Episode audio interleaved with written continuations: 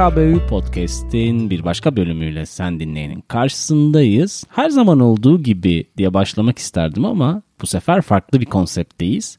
Her zaman olduğundan farklı bir şekilde sevgili Samet şu an masanın karşısında gözümün önünde ve Kadıköy'den bu kaydı sizlere gerçekleştirmeye çalışacağız. Merhaba Sametçim, nasıl gidiyor diyelim İstanbul macerası?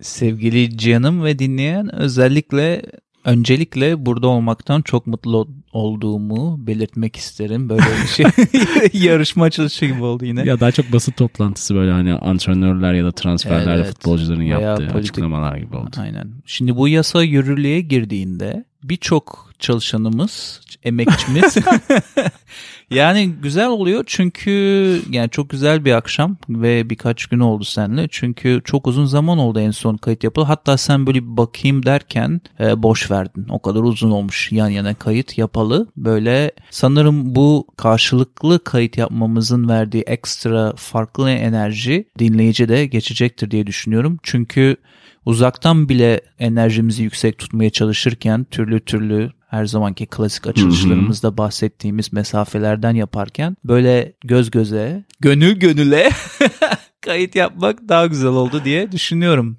Bilmiyorum sen ne düşünüyorsun Kadıköy semalarında? Ya kesinlikle öyle. Şimdi hani aynı masada oturup kaydı yapmanın keyfi farklı. Hatta çok da alışık olmadığımız bir şey sevgili dinleyen. Biraz da hani böyle garipseyerek birbirimize de bakmıyor değiliz.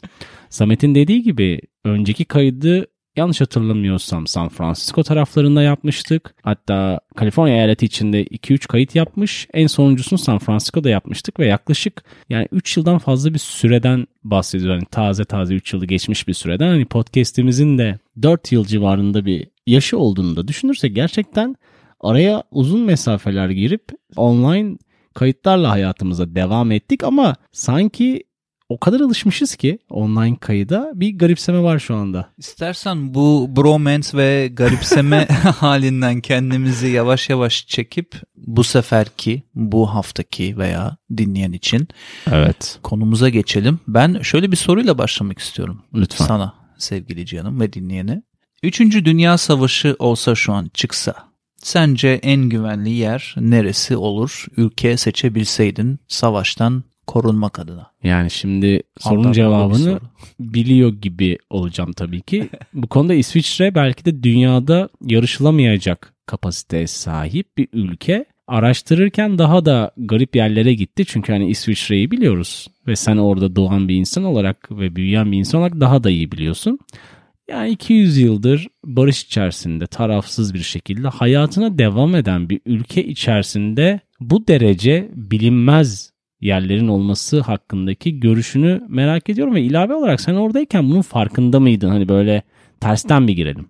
Evet çünkü sonralara sakladığım bir konu başlığıydı bu bölüm içinde. Şöyle hem evet hem hayır. Çünkü Hı hı. bizim uzun bir yolumuz vardı iki köy arasında sürekli gittiğimiz ve e, onun sol tarafında yüksek dağlar vardı her zaman geçtiğimiz E, ve çocuk aklımla çok anlamadığım için bu işlerden gerçekten de sürekli ya bu kocaman dağın da tam ortasında nasıl kapıya benzeyen bir şey var. Doğa ne kadar garip Ha. böyle kapı gibi bir şekil yapmış oraya diye baktığımı çok iyi hatırlıyorum. Ama bu bölüme hazırlanana kadar da böyle bilinçaltımda kalmış bir şeydi. Vay. Şimdi anlamlandırdım. Aha. Hatta hani benim biliyorsun babam da İsviçre'de ve İsviçre'yi çok seven ve çok bulunmuş birisi olduğu için ona da Hı hı. sordum. O da kendisi bu tarz şeyleri e, birçok kez gördüğünü bana söyledi birkaç gün önce bölüme hazırlanırken. Dolayısıyla böyle e, gizemli değil ama neredeyse bilinmezlere yakın bir bölüm gibi. Çünkü İsviçre senin dediğin gibi tarafsız olsa da 200 yıldır bir anlamda da paranoyak bir ülke gibi Çok izlenim kesin verdi zaten. bana. Yani orası Evet. şüphe götürmez. Bunu niye böyle söylüyor sevgili dinleyen? Çünkü önce ben böyle bir 20 bin üzeri e, barınaklar ve savaşla ilgili cepheler falan gizli cepheler yaptıklarını düşünürken bugün senle baktığımızda tekrar bu bölüm hazırlanırken bunun böyle yüz binleri geçtiğini gördük. Evet.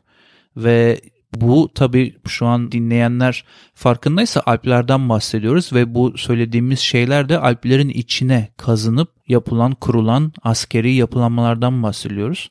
Niye peki bu yapılmış sevgili canım? Yani niye bir ülke dağlarda, çoğunluğu dağlarda e, olan bir ülke dağlarını delip delik deşik edip böyle bir şeye kalkışsın. Ya gözüken hani soğuk savaş yıllarındaki senin bahsettiğin paranoyanın zirveye çıkmış durumundan bahsedebiliriz. Hani özellikle bu 2. Dünya Savaşı dönemlerinde Nazilerin işte Mussolini'lerin zirveye çıktığı ve her tarafı ele geçirme içgüdüsüyle hareket ettiği ve ele geçirdiği bir yandan da dönemlerde dediğin o paranoyaklık devreye giriyor herhalde. Çünkü hani akıl sınırlarını zorlayan bir şekilde sığınaklar, barınaklar, işte mühimmat depoları hepsi de böyle hani film setlerinden hallice. Hani dışarıdan bakınca bir dağ evi zannediyorsun uzaktan ama yakına gittikçe işte pencerelerinin aslında boyalı bir halde olduğunu, işte tamamen beton bir blok olduğunu, bir kapısı olduğunu, o kapıyı açtığında işte kocaman bir topun dışarıya doğru çeşitli açılarda dönebildiğini görüyorsun. Bu hani senin dediğin gibi Alp tarafları, Alpler çok yüksek ve çepeçevre bir ülkeyi çevreliyor. Ve dik yamaçlı. Bunu yani hani bu çok büyük bir motivasyon çünkü o tünelleri açıyorsunuz, oradan geçitler yapıyorsunuz. Orada yaşam alanları oluşturuyorsunuz. Aslında hani baktığında sevgili dinleyen şey olarak düşünmesin. Ya kapıyı açıyorlar, içeri giriyorlar, saklanıyorlar.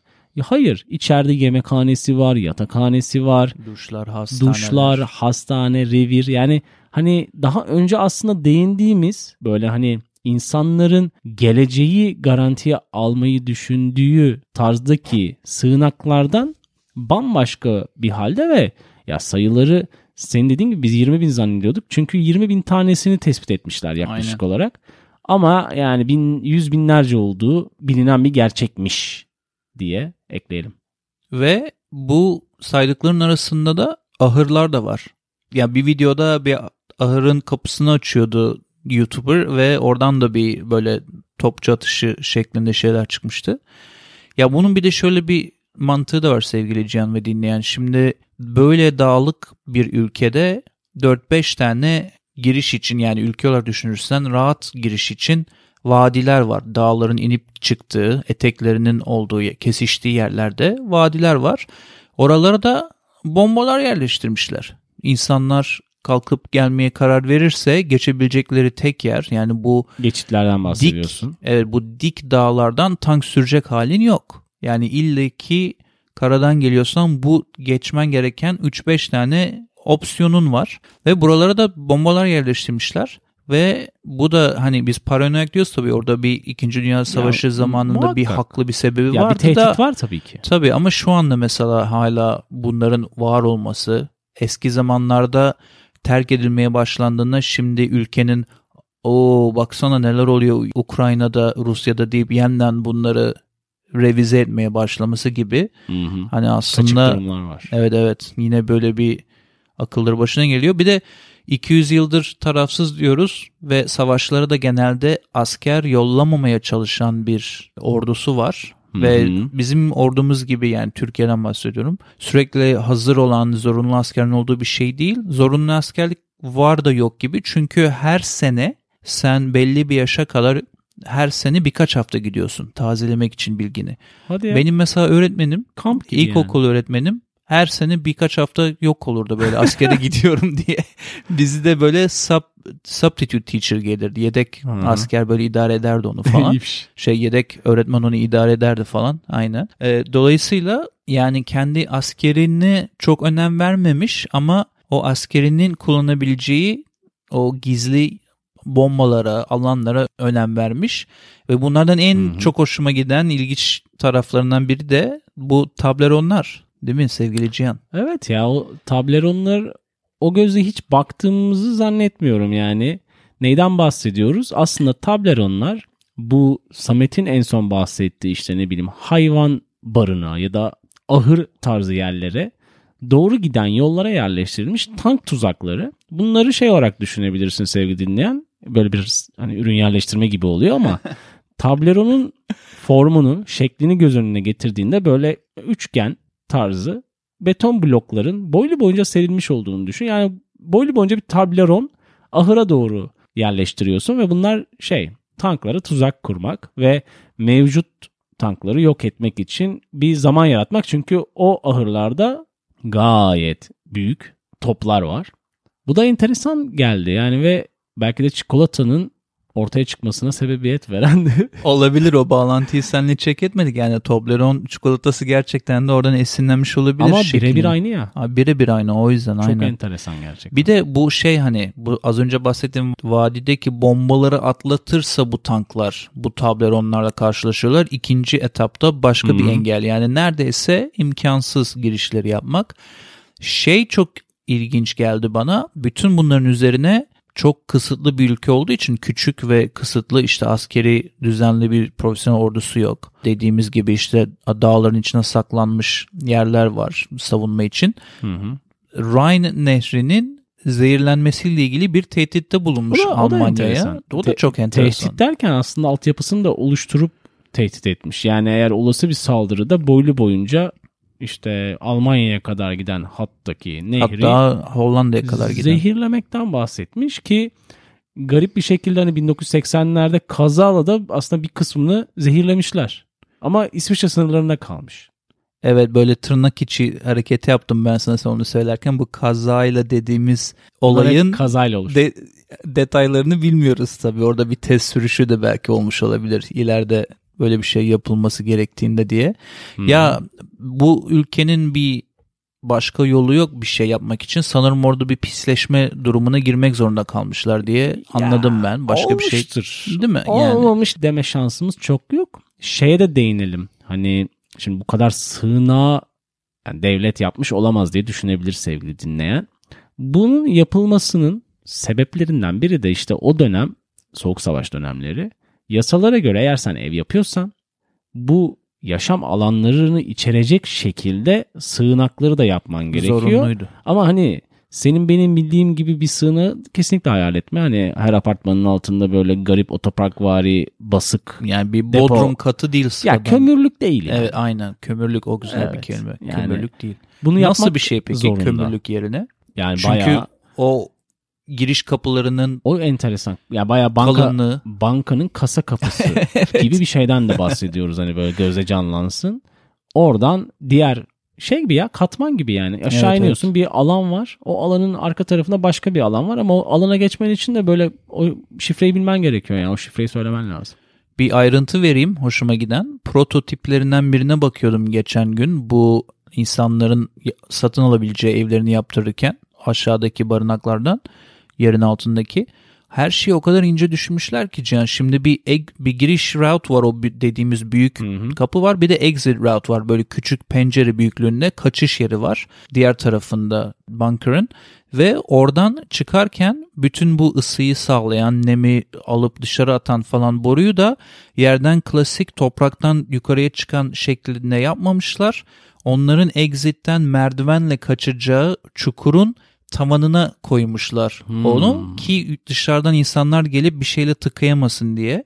Ya böyle her en ufak ayrıntıyı dışarıdan bile acaba havalandırma sistemine bir şeyler sıkılır mı veya kapatılır mı, E, tabii. blok edilir mi? Onları bile düşünmüşler. Böyle çok ilginç ayrıntılar var. Bir de şöyle bir şey daha öğrendim. Son yıllarda bir kanun değişikliğiyle çok ufak bir esnek bir durum gelmiş buna. Şimdi bunca yıldır zorunluydu işte bunun Onu evet Ev- kısmışlar sanki. ev inşaatı sırasında Hı hı. bir planın ol- parçası olması. Şu anda ya onu yapıyormuşsun ya da uzun vadeli taahhütname ile community bunker'a üye olabiliyormuşsun. Bunu ya. bunu proof yaptığında, kanıtladığında o kendi evindeki olmasa da oluyormuş. Ama Ta- şey, şey de değilmiş galiba hani şimdi yasaya göre yapmaları gerekiyor o sığınakları ama devlet de o maliyetin %70'ini bir şekilde sübvanse edip destekliyormuş Evet, evet. yapanları ki hani ya bir şey olmasın bir anlaşmazlık ya da bir motivasyon düşüklüğü olmasın ki yani %70 gerçekten büyük bir oran.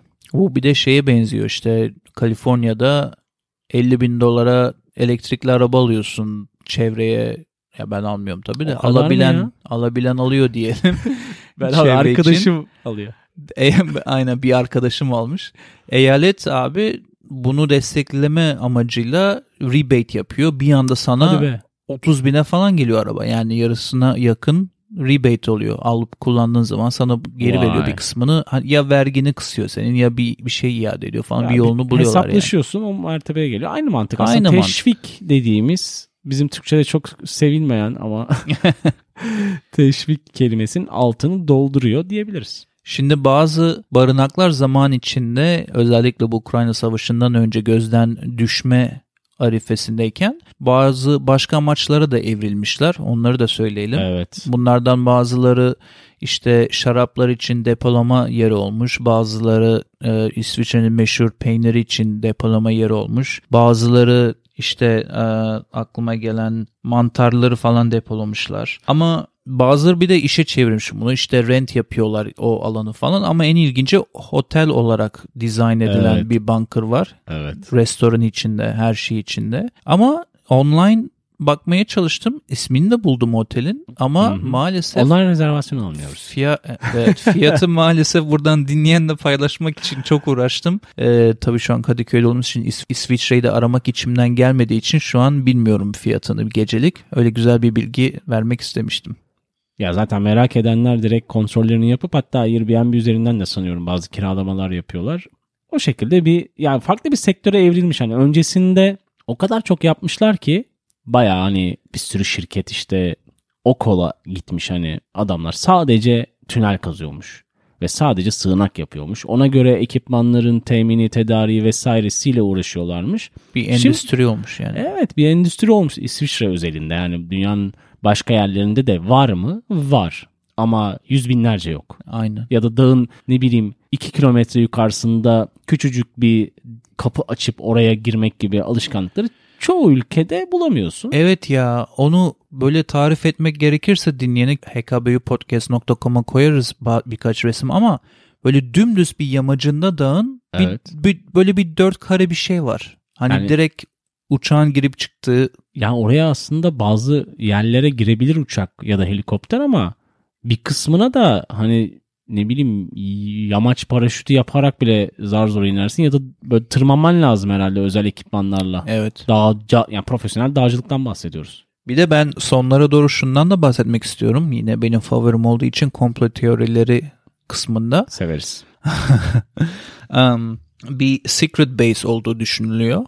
Neresinde veya hatta birden fazla E, secret var. base olduğu düşünülüyor. Evet. Bu jetlerin, e, helikopterlerin ve senin bahsettiğin gibi daha hareketli şeyin. Çünkü şu ana kadar anlattıklarımız genelde kapının açılıp içeriden işte roketlerin, topların falan atılmasıyla ilgiliydi. Evet biraz hani 2. Dünya Savaşı, Savunma. 1. Dünya Savaşı formatlarından Evet. bahsediyoruz. Hani teknoloji de aslında öyle Evet. baktığında.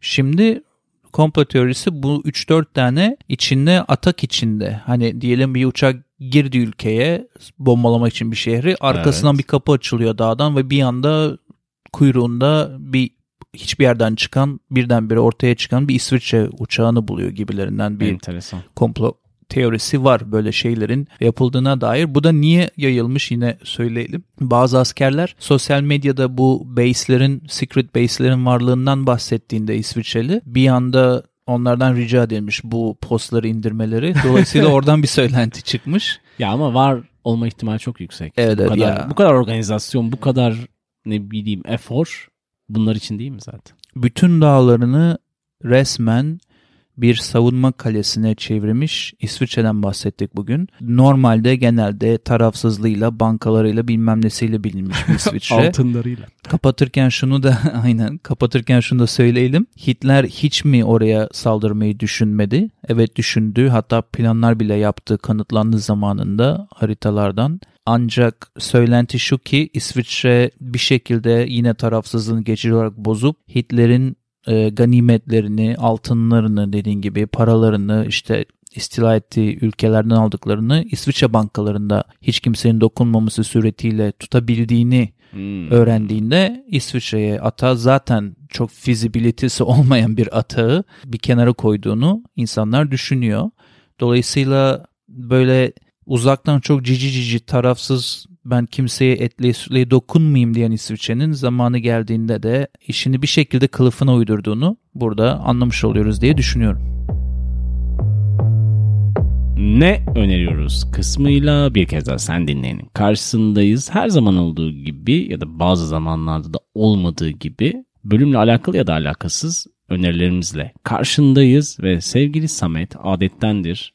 Bu sefer misafir de olmasının verdiği coşkuyla daha da adetten Onda kulaklarımız. Sevgili canım şimdi bu bölüme ilham olan Johnny Harris'in bir kere bu bunkerslarla ilgili yaptığı videoyu hkbpodcast.com'da ne öneriyoruz bölümüne ekleyelim. O zaten doğal bir öneri yani, olarak geliyor.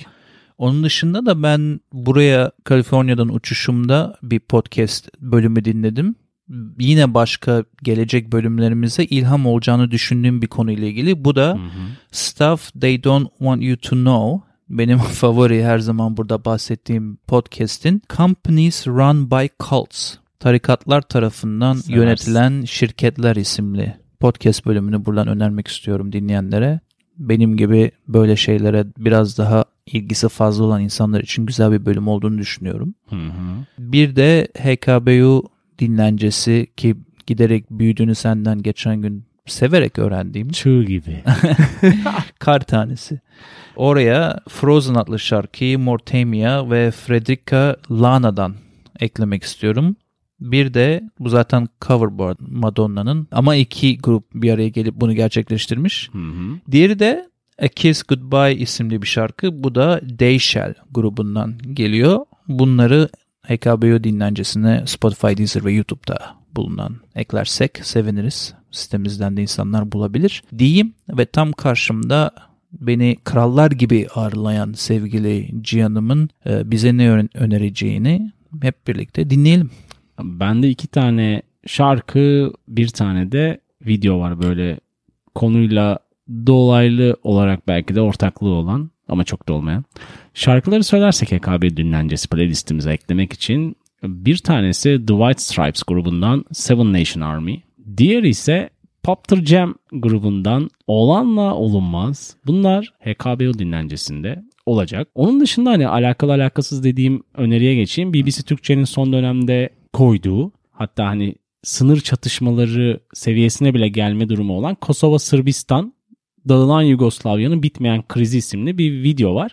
Bunu neden öneriyorum? Çünkü hani Soğuk Savaş yıllarından çok da farklı olmayan bir sekansta işte 2022-2023 yıllarından sarkan hatta yani sarkan derken öncesinde olduğu böyle yüzeysel gibi gözüken ama gerçekten çok derin olayların olduğu bir senaryo diyebiliriz. Bunu izleyerek belki de sonraki yapacağımız böyle çatışma, anlaşmazlık bölümlerine de bir atıf olabilir sevgili Samet. Güzel bir öneri. Teşekkür ederim sevgili canım. Ayrıca bu bölümle de böyle sanki birazcık uzaktan alakalı diye de düşünebiliriz savaşlar ve E, evet. Savaşlar bitmez zaten. bahsettiğimiz Dünyada savaşın olmadığı yıl sayısı böyle kaçtı? Garipti. 72 yıl mıydı? Öyle bir şeydi galiba. Yani insanlık olmadan önce bence yoktu ya. Orada o yılları sayabilirsin. O yüzden o yüzden evet. Kesinlikle öyle. Ee, o zaman savaşma seviş ile bitirelim. Klasik. Kesinlikle yolculuğa bizimle devam eden sen dinleyene teşekkür ediyoruz ve devam da etmeyi diliyoruz beraber. Onun dışında işte Patreon'dan bize destek olabiliyorsunuz. Her zaman dillendirdiğimiz ne bileyim bir bölüm olur. Ya şunu Samet'le Cihan bir araştırıp konuşsa dediğiniz bölümler olabilir. Sizi oraya bekliyoruz. Ayrıca sitemiz var. Değil mi sevgili Samet? Yani her zaman dillendirdiğimiz hkbpodcast.com sitesi. Orada zaten Cihan'ın bahsettiği her yere bağlantılar mevcut. Aynen. Biraz da böyle çok yakında başka sürprizler de olabilir. Böyle sosyal medyadan yavaş yavaş dillendirmeye başladığımız şeyleri de siteye ekleme konusunda Evet. çalışmalar devam ediyor diyelim. Kesinlikle. Böyle de gizemli bir yarım yamalak açıklamayla bölüme son veriyoruz. Ben bayağı yoruldum sevgili canım. Kapalı çarşıydı, sarnıçtı falan derken Vapurdu, Marmaray'dı. vapurdu bayağı bir Kadıköy'de derken gezdik dolaştık Hı hı, ve hı. sonunda da geceyi böyle çok güzel bir podcast bölümüyle bitirdiğimiz için ayrı bir mutluyum. İnşallah dinleyen de keyif almıştır bu bölümden. Sanırım herhalde dönmeden birkaç en azından bir tane daha bölüm yapmayı düşünüyoruz. Diyelim şimdilik Kadıköy'den İstanbul'dan hoşça kal diyelim. Hı hı. Bir sonraki bölümde ve bölümlerde, önceki bölümlerde, ortalarda bir yerlerde, köşelerde buluşmak üzere. Hoşça. Hoşçakalın.